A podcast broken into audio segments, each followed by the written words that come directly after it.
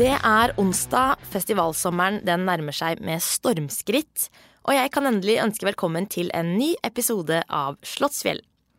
Mitt navn er Amalie Mokstad, og denne gangen så har jeg tatt turen til Oslo for å møte et av Norges aller største stjerneskudd. You're sleeping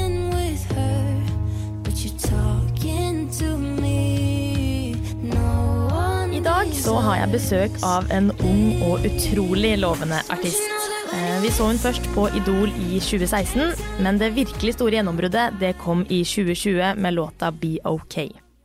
Singelen ga Skiensjenta nominasjoner til både Spellemannsprisen og P3 Gull, og i år opptrer hun altså for første gang på Slottsfjellfestivalen. Velkommen hit, Victoria Nadine. Takk. Tusen takk. Er det mange som kaller deg Victoria Nadine?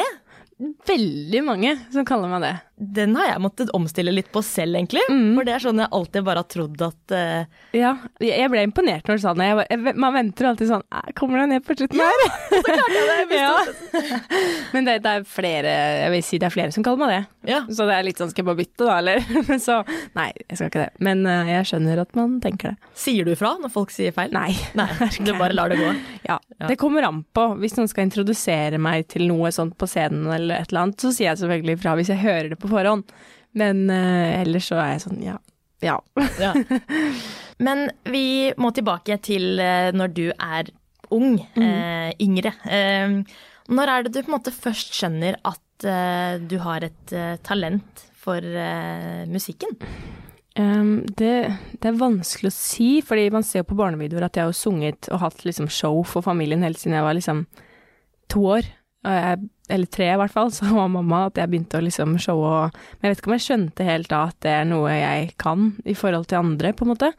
Eh, og så har jeg vel bare sang litt på skoleavslutningen, men jeg hadde jo null selvtillit, så jeg syns jo liksom ikke jeg var noe flink heller, så jeg klarer ikke å skjønne, vite når jeg skjønte det. Men kanskje sånn det skjedde vel noe greier før det òg, men Idol 2016, og så var det vel en bekreftelse fra folk som ikke var liksom familien min, da. Eh, for de kan jo si at man er flink selv om man ikke er det, på en måte. Det var vel kanskje da jeg skjønte at kanskje det er liv laga for å drive med det, da. Hva gjorde at du turte å melde deg på Idol det året der? Du sa at du sleit litt med selvtilliten Ja. før det. Hva Jeg, sannheten er at jeg ikke torde det i det hele tatt, egentlig. Jeg satt foran påmeldingsskjema med mamma og grein i en uke. Fordi jeg, jeg ville jo, men jeg ville ikke, hvis du skjønner. Jeg, jeg hadde null selvtillit på det området. Jeg visste at kommer jeg ikke videre på audition, så er det siste gang du hører fra meg, liksom. Da synger jeg aldri igjen. Det skjedde jo i 2011 da jeg var med på sånn MGP lokal. Så husker jeg at jeg ikke vant, det var fem vinnere, da. Sånn greier i Skien, liksom. Og da var jeg elleve år, og så, og så vant jeg ikke, da. Og da, da var det ikke et pip å høre fra meg oppå rommet. Jeg sang jo egentlig hver dag høyt, liksom. Men da, da sang jeg ikke mer, og da tenkte jeg dette er slutten. Så jeg visste at får jeg en sånn knekk igjen, så er jeg ferdig. Men det var mamma som liksom sa til meg nå begynner du å bli litt eh, for gammel, på en måte, hvis, fordi Idol begynte å bli, begynte å bli yngre og yngre, da. Ja. Da var det sånn, skal du gjøre det her, så må du gjøre det nå. Og det er en sjanse du kan få veldig godt av resten av livet, men så det ble bare en sånn derre det, det indre styrte meg, men jeg, jeg torde egentlig ikke. Jeg, jeg var så redd, liksom. Så det var egentlig moren din som motiverte deg litt gjennom uh, I hvert fall tvang meg, da. Nei da, hun gjorde ikke det. Men det, ja, det var jo faktisk det. Det var hun som fikk meg til å skjønne at eh, skal man, vil man noe her i livet, så må man ta sjanser, og så får det være Om det knuser drømmen, så får det gjøre det, da. Hvor lang tid går det fra du er med på Idol til uh, du begynner å gi ut egne låter? Det var et Jeg var med på en sånn liten feature i samme året, eller året etter, eller noe sånt, men et par sånne norske greier. Og så slapp jeg liksom min første i 2018, tror jeg.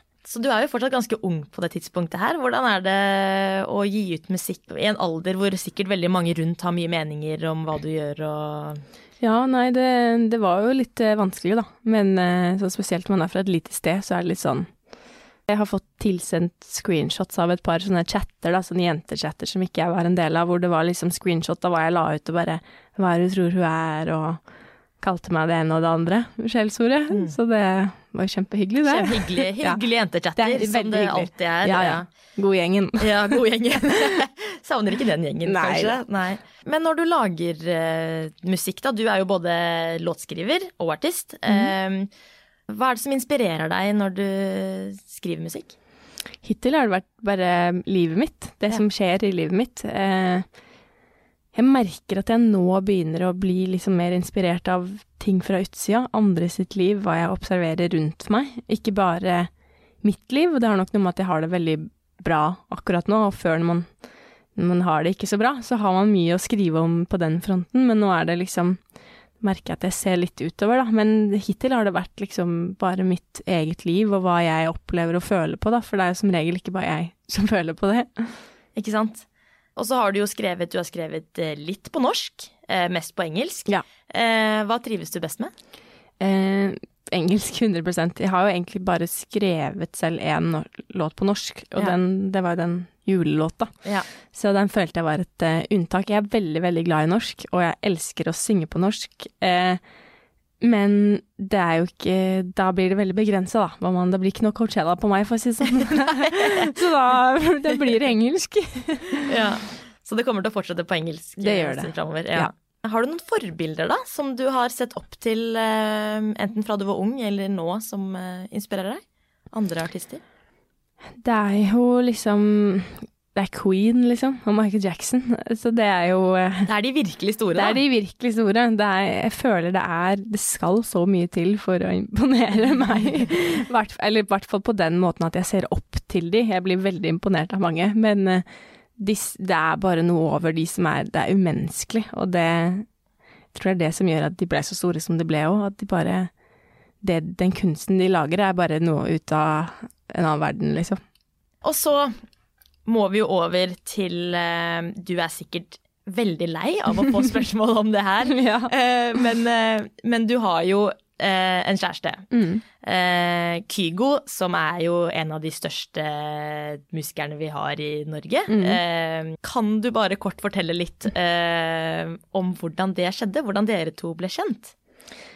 Nei, det har vel litt med at vi er i samme bransje, og så får man vite om hverandre. Jeg visste jo åpenbart om han før han visste hvem jeg var, men uh, så blei etter be ok, og ting skjedde med meg òg, så var det kanskje litt uh, lettere for han å vite hvem jeg var, og så bare på en veldig naturlig måte så connecta vi, da. Egentlig først via noen mu- musikkgreier, bare sånn at han sa jeg var flink og litt sånne ting. Uh, og så ja, var det romanse der, da. Og det, hvor lenge er det siden dere to møttes nå? Hvor lenge er det siden? Halvannet år? Siden vi møttes. Ja. Ja. Må man på en måte da, når det er to store profiler som dere er, eh, holde det skjult en stund da? Eller hvordan gjorde dere det? Ja, eller jeg, jeg hadde jo ikke noe lyst til ingen av oss egentlig. Hadde noe behov for at alle skulle vite det, men så er det ikke så lett, da. Så kom det ut uten at vi uh, var med på det. Så det, det er jo ikke sånn at man trenger sånn sykt aktivt å bare å, holde det skjult, men man trenger liksom ikke å skrike det ut til verden, for det er liksom unødvendig. Man vil jo kanskje ikke det. Eh, så litt vil man jo det, men det er ikke så lett, da. For det, ja, det funka ikke så bra. Hvordan er det da, når det plutselig bare blir offentlig uten at dere kanskje er helt klar for det ennå? Det gikk veldig fint. Eller sånn, det er jo ikke Det var liksom irriterende, fordi det er irriterende at media er sånn som de er. Em, men vi var jo heldigvis så trygge i hverandre at det gikk fint. Bor han i LA, er det sånn? Nei, Nei, han bor i Norge. Ja. ja. Ok, hvor, hvor ofte får dere sett hverandre? jeg føler vi ser hverandre hele tiden. Ja, dere gjør det, ja. ja. Og det tror jeg har noe med det vi driver med å gjøre, da. Ja. At vi kan, eh, vi kan begge være i LA og jobbe i studio på hvert vårt, liksom. Eh, men så sover vi fortsatt sammen på kveldene. Men vi jobber hver for oss, da. For det må jo være helt fantastisk å ha en kjæreste som på en måte har den samme lidenskapen eh, som det du har. Hvordan er det å være sammen med en som eh, både jobber med musikk, men også på en måte er så erfaren som han er? Mm. Det er veldig fint, det. Og det Jeg har hørt mye greier om sånn i bransjen, så man må aldri finne seg noen som driver med det samme. Eh, men jeg gjorde jo det, da, og det er det beste som har skjedd meg, i hvert fall.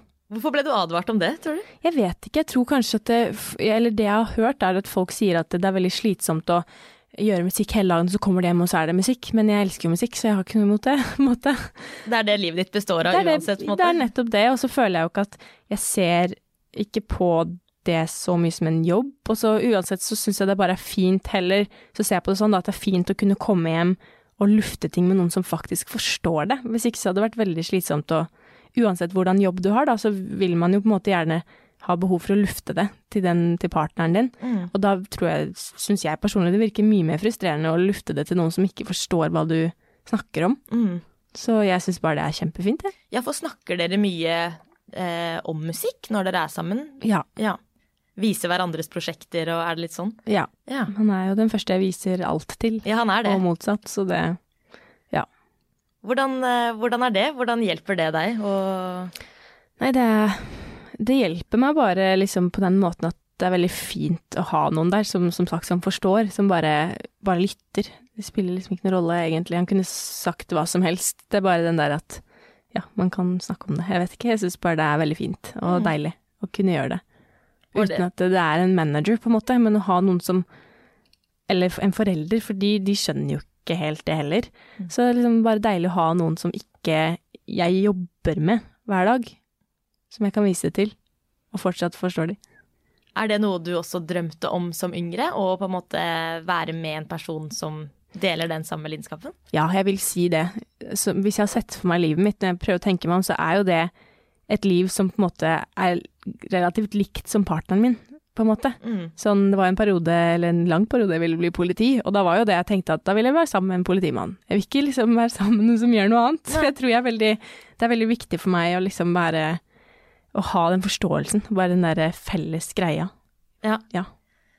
Hvordan eh, vil du beskrive forholdet mellom dere to, da? Veldig fint og avslappa og respektfullt. Ja. Ja. Og dere får jo opplevd utrolig mye sammen, Mhm. eh, ser det ut som. Ja. Eh, hvor, eh, hvor mye tid bruker du i USA nå?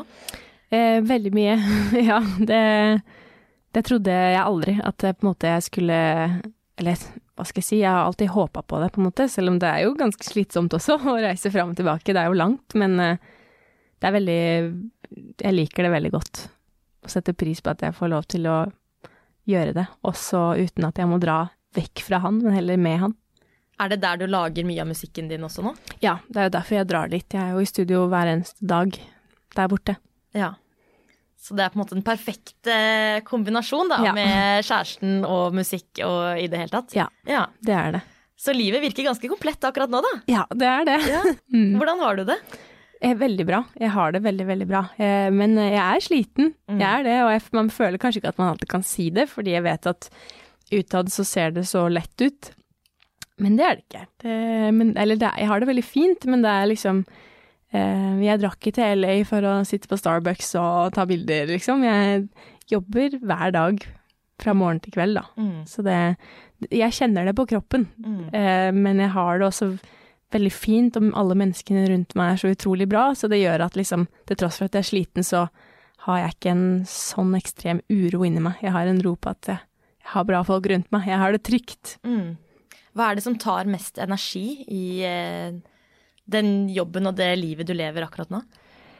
Eh, jeg føler som det lette hadde vært å si å skrive låter, for det tar veldig mye. Men det er jo det der som følger med rundt, da. Skal være helt ærlig om det presset. Hvor når man signer med flere labels, når flere labels fra andre land skal ha en mening om det jeg gjør, og du må poste, du må poste så og så mye, du må gjøre det. Alle skal liksom ha en bit av kaka, og alle skal på en måte mene noe om hva jeg må og burde poste og burde gjøre ting, og det spiser meg opp innvendig, liksom. Det er veldig, veldig, veldig slitsomt. Um, så det er den biten der, at man føler at man må levere på det høyeste nivået hver eneste dag, og noen ganger så vil man ikke det.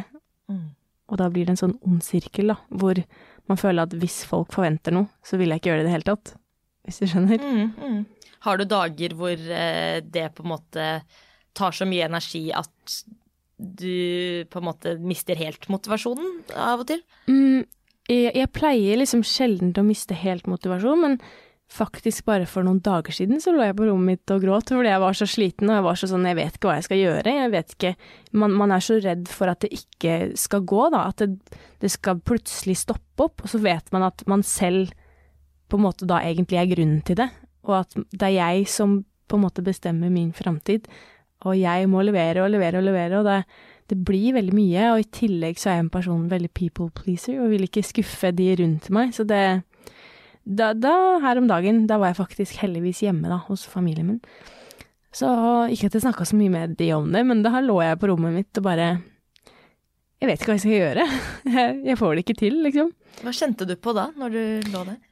Jeg kjente på skuffelse over meg selv og over at jeg var redd for å skuffe, at jeg skuffa managerne mine, labelet. Fordi man får jo daglige påminnelser på at eh, du, nå vil de gjerne at du poster, fordi vi ser jo de vil det, de, ditten og datten, og da ble jeg sånn jeg vet det, men det er det som gjør at jeg mister motivasjon, fordi når folk forventer så mye av meg, så blir det til at jeg bare trekker meg tilbake. Mm. Så det var den følelsen av bare sånn skuffelse og at jeg var redd. Jeg var redd for at jeg har pika allerede. At nå er det stopp, liksom.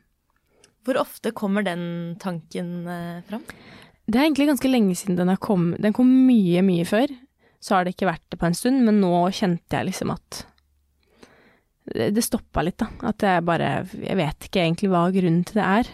Men når flere folk forventer noe av meg, så blir, skjer det et eller annet i meg. Og fordi det er liksom Det er ikke så lenge siden det skjedde noe sykt med meg sist, men man føler alltid at å, det er så lenge siden fordi man ser alle andre bare får det til, ikke sant. Så blir man sånn Man unner de jo all suksess, samtidig som at man også tenker at det kommer aldri jeg til å få til, og så fordi det ikke har skjedd på to måneder, ikke sant. Så, men det er jo sånn det er, og det går opp og ned hele tiden. Men uh, det har vel vært en periode hvor jeg har følt at siden ikke det har skjedd noe helt sinnssykt på fire måneder, liksom, så da er det slutt. Mm. Men det er jo ikke det. Men, eh, så nå er jeg, jeg er ikke helt oppe ennå, men jeg prøver liksom å jobbe meg opp fra den lille grøfta da, som jeg eh, har vært i en liten periode. Som jeg egentlig ikke har snakka så mye om. Men eh, ja, jeg har vært litt nede Mm. på grunn av det. Mm. Hva er det som hjelper da, når du kjenner på de følelsene der?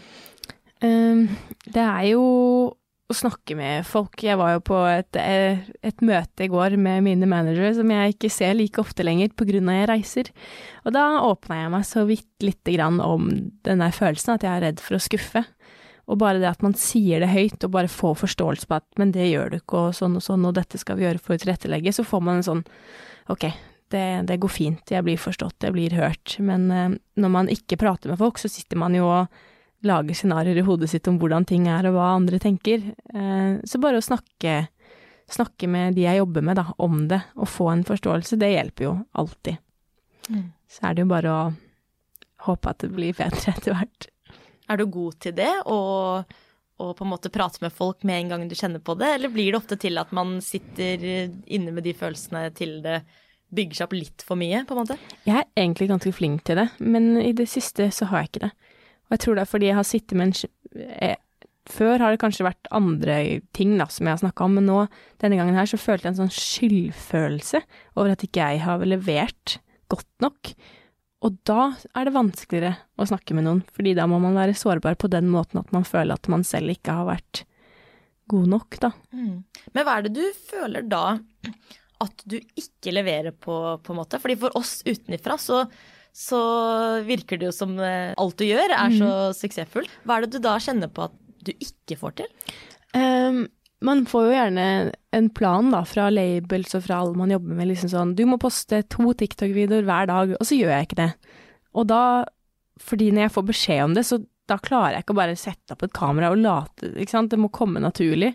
Eh, og hvis jeg poster videoene, så er jeg redd for at de får for lite views, og at de tenker oi, det går dårlig med hun om dagen, hun er ikke det store, liksom. Eh, og hvis jeg ikke poster, så er det gærent. Den derre at ikke jeg poster nok veldig mye med det sosiale mediegreiene. Og nå, de siste dagene, så har jeg plutselig begynt å føle at ikke de syns musikken min er bra nok, selv om de har aldri sagt det. De er bare sånn 'dette er så bra og så flink', og Men så har det bare Jeg begynner å bli veldig sånn destruktiv i tankene mine. Mm. Og det, jeg vil ikke inn i det sporet, for jeg har ikke vært det. Men eh, ja, skuffer de på den måten at ikke jeg ja, er superstjerne nok, da. Hva syns du om sosiale medier? da? Er det blitt eh, en veldig sånn jobb for deg, eller er det noe du syns er gøy å drive med? Det har blitt veldig jobb, Mm. men jeg tror og håper at jeg, det kan komme tilbake til at det ikke er det, for det var ikke det før. Før posta jeg hver dag, og det var bare gøy. Det var veldig naturlig. Jeg var litt mer meg sjæl, litt mer Spilte litt mer på humor. Men så fort ting går bra, så blir man ironisk nok, da, fordi det har jo gått bra fordi man har gjort det man har gjort, men da tenker man at nå skal jeg endre på hele greia. Så skal jeg bli mer sånn og sånn og sånn, og da har det endt med at jeg har blitt mye mer bevisst på hva jeg legger ut, og gjør det fordi noen ber meg om det. Og så blir det til at man ikke gjør det, og hver gang jeg gjør det, så, det, så tenker jeg nå blir de fornøyd, istedenfor å tenke dette er gøy å poste, dette vil folk synes, dette er meg. Så er det sånn nå pleaser jeg noen i teamet mitt, hvis du skjønner. Mm. Så det, det er veldig synd at det har blitt sånn, men jeg tror at jeg kan komme meg ut av det, fordi jeg har egentlig alltid på en veldig naturlig måte posta ting om meg og livet mitt og hva som skjer, men så fort jeg får beskjed om at jeg må gjøre det, så stopper det opp. Mm. Det er jo ikke så rart, da. Nei. Det er litt samme som at når du har tenkt å ta oppvaska, så spør mammaen din kan du ta oppvaska, så er det sånn fy fader, nei. ja, nei det gidder jeg ikke. Liksom. Det er litt sånn, føler jeg. Bare på et litt annet nivå.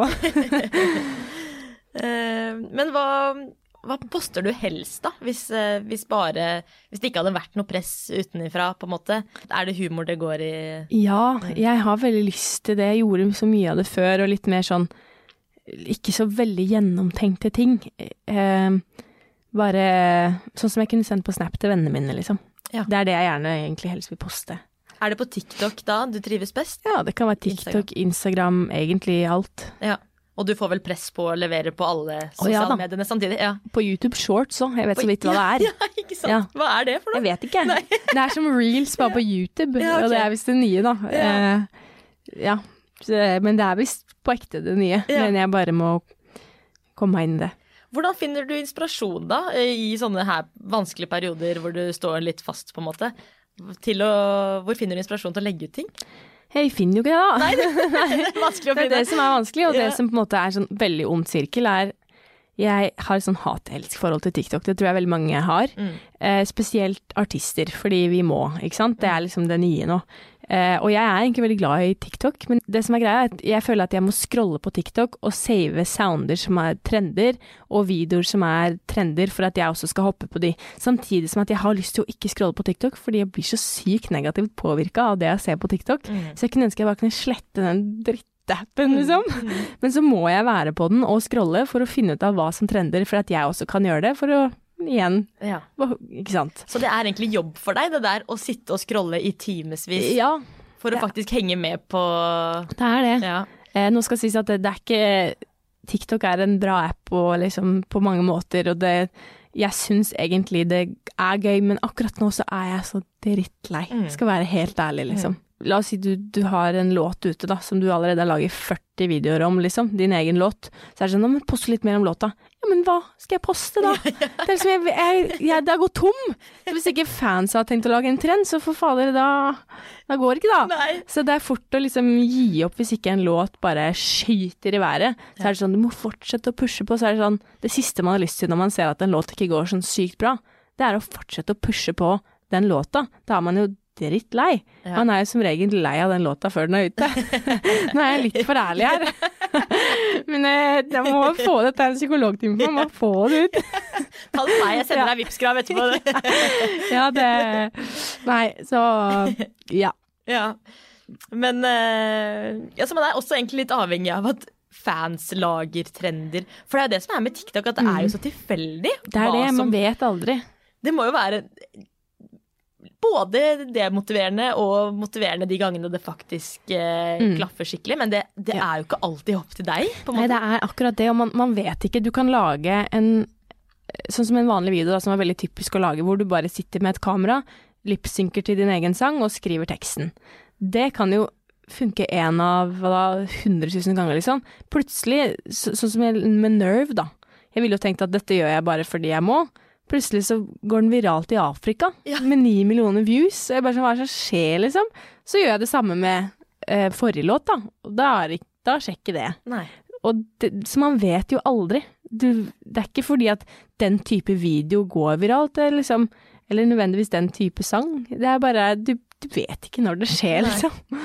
Og hvis det da skjer eh, i en litt tung periode fra før, og at de på en måte algoritmene og sånn ikke helt treffer, så. Ja. må jo det være liksom ekstra tungt når det til og med Det er jo ikke jobben du la ned som Nei, påvirker det. Det er det. Kanskje du har lagt ned mye mer jobb enn du gjorde på den forrige som fikk ni millioner views, men så er det sånn derre Du gjorde mye mer når du er nede, og så funker det ikke. Det er veldig frustrerende. Ja, ikke sant. Så vet man at det er ikke bare meg som håper på noe. Det er jo alle som jobber med meg, som sitter med øynene og håper på at liksom det skal skje noe crazy, da. Ja. Men får du noe veiledning og sånn på hva du skal legge ut av, eller er det veldig opp til deg selv? Eh, litt om både og. Jeg kan få det hvis jeg vil. Eh, ja og nei, Ja. men mest nei, egentlig. Men det er perioder hvor det har vært sånn man kan prøve å, å få litt hjelp, men uh, som regel så tror jeg det beste er at det kommer fra meg, da. Ja, det blir litt mer personlig. Ja. eh, ja. Litt mer ekte, kanskje, Ja. hvis du får velge det selv. Ja, og igjen, hvis jeg har en plan på dette må du gjøre, så blir det fort sånn Jeg tror det skinner gjennom skjermen at eh, dette vil jeg ikke gjøre. Og Nei. dette har jeg fått beskjed om å gjøre fordi jeg må poste klokka tolv på torsdag, liksom. Det er sånn. Da er det ikke det samme. Men nå er det jo sommer snart. Mhm. Du skal på flere festivaler, fortsette å skrive låter. Er du festivaljente sånn i utgangspunktet? Nei, jeg vet ikke om jeg kan si det i Slottsfjellpodden, ja, men nei, jeg er ikke det. Har du vært på festival i det hele tatt? Eh, en halv festival, holdt jeg på å si. Jeg var på eh, en festival ja, i 2019. Det var jeg en halv dag, dro jeg, men det ble litt for mye for meg. Ja, ble for mye for deg? Ja. For mye av hva da? Av folk og Av fulle folk, rett og slett. Og. Jeg er ikke så glad i konserter. Er det sant? ja. Kanskje det har noe med at eh, jeg spiller det selv, jeg vet ikke. Nei. Jeg blir ofte, enten så blir jeg veldig opptatt over det tekniske, hva som faktisk skjer på scenen for å nyte musikken. Eller så bare får jeg sykt vondt i ryggen og blir utålmodig, og folk dytter og liksom den derre jeg, jeg, jeg er veldig sånn hypersensitiv, så jeg blir veldig påvirka av masse inntrykk. Så jeg, jeg tror det bare rett og slett er for stort og for mye for meg. Ja. Jeg er veldig glad i å spille på festivaler, og det elsker jeg. ja, Så du hører egentlig hjemme på scenen Ja. på festival. Jeg gjør det.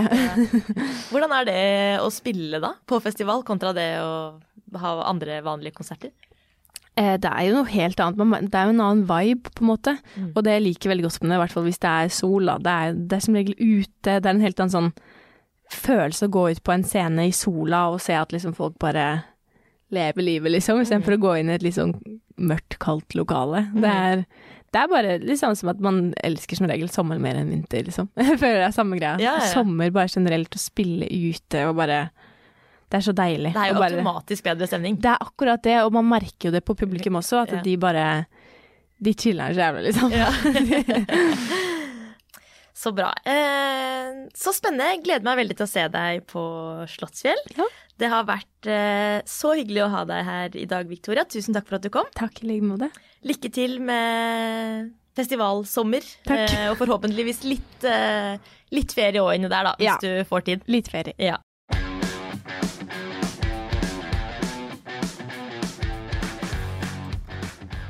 Det var dagens episode, og hvis du vil høre mer festivalprat, så er vi tilbake allerede neste onsdag med nye gjester. Mitt navn er Amalie Mokstad, produsent er Marie Olaussen, og vår ansvarlige redaktør er Sigmund Skydland.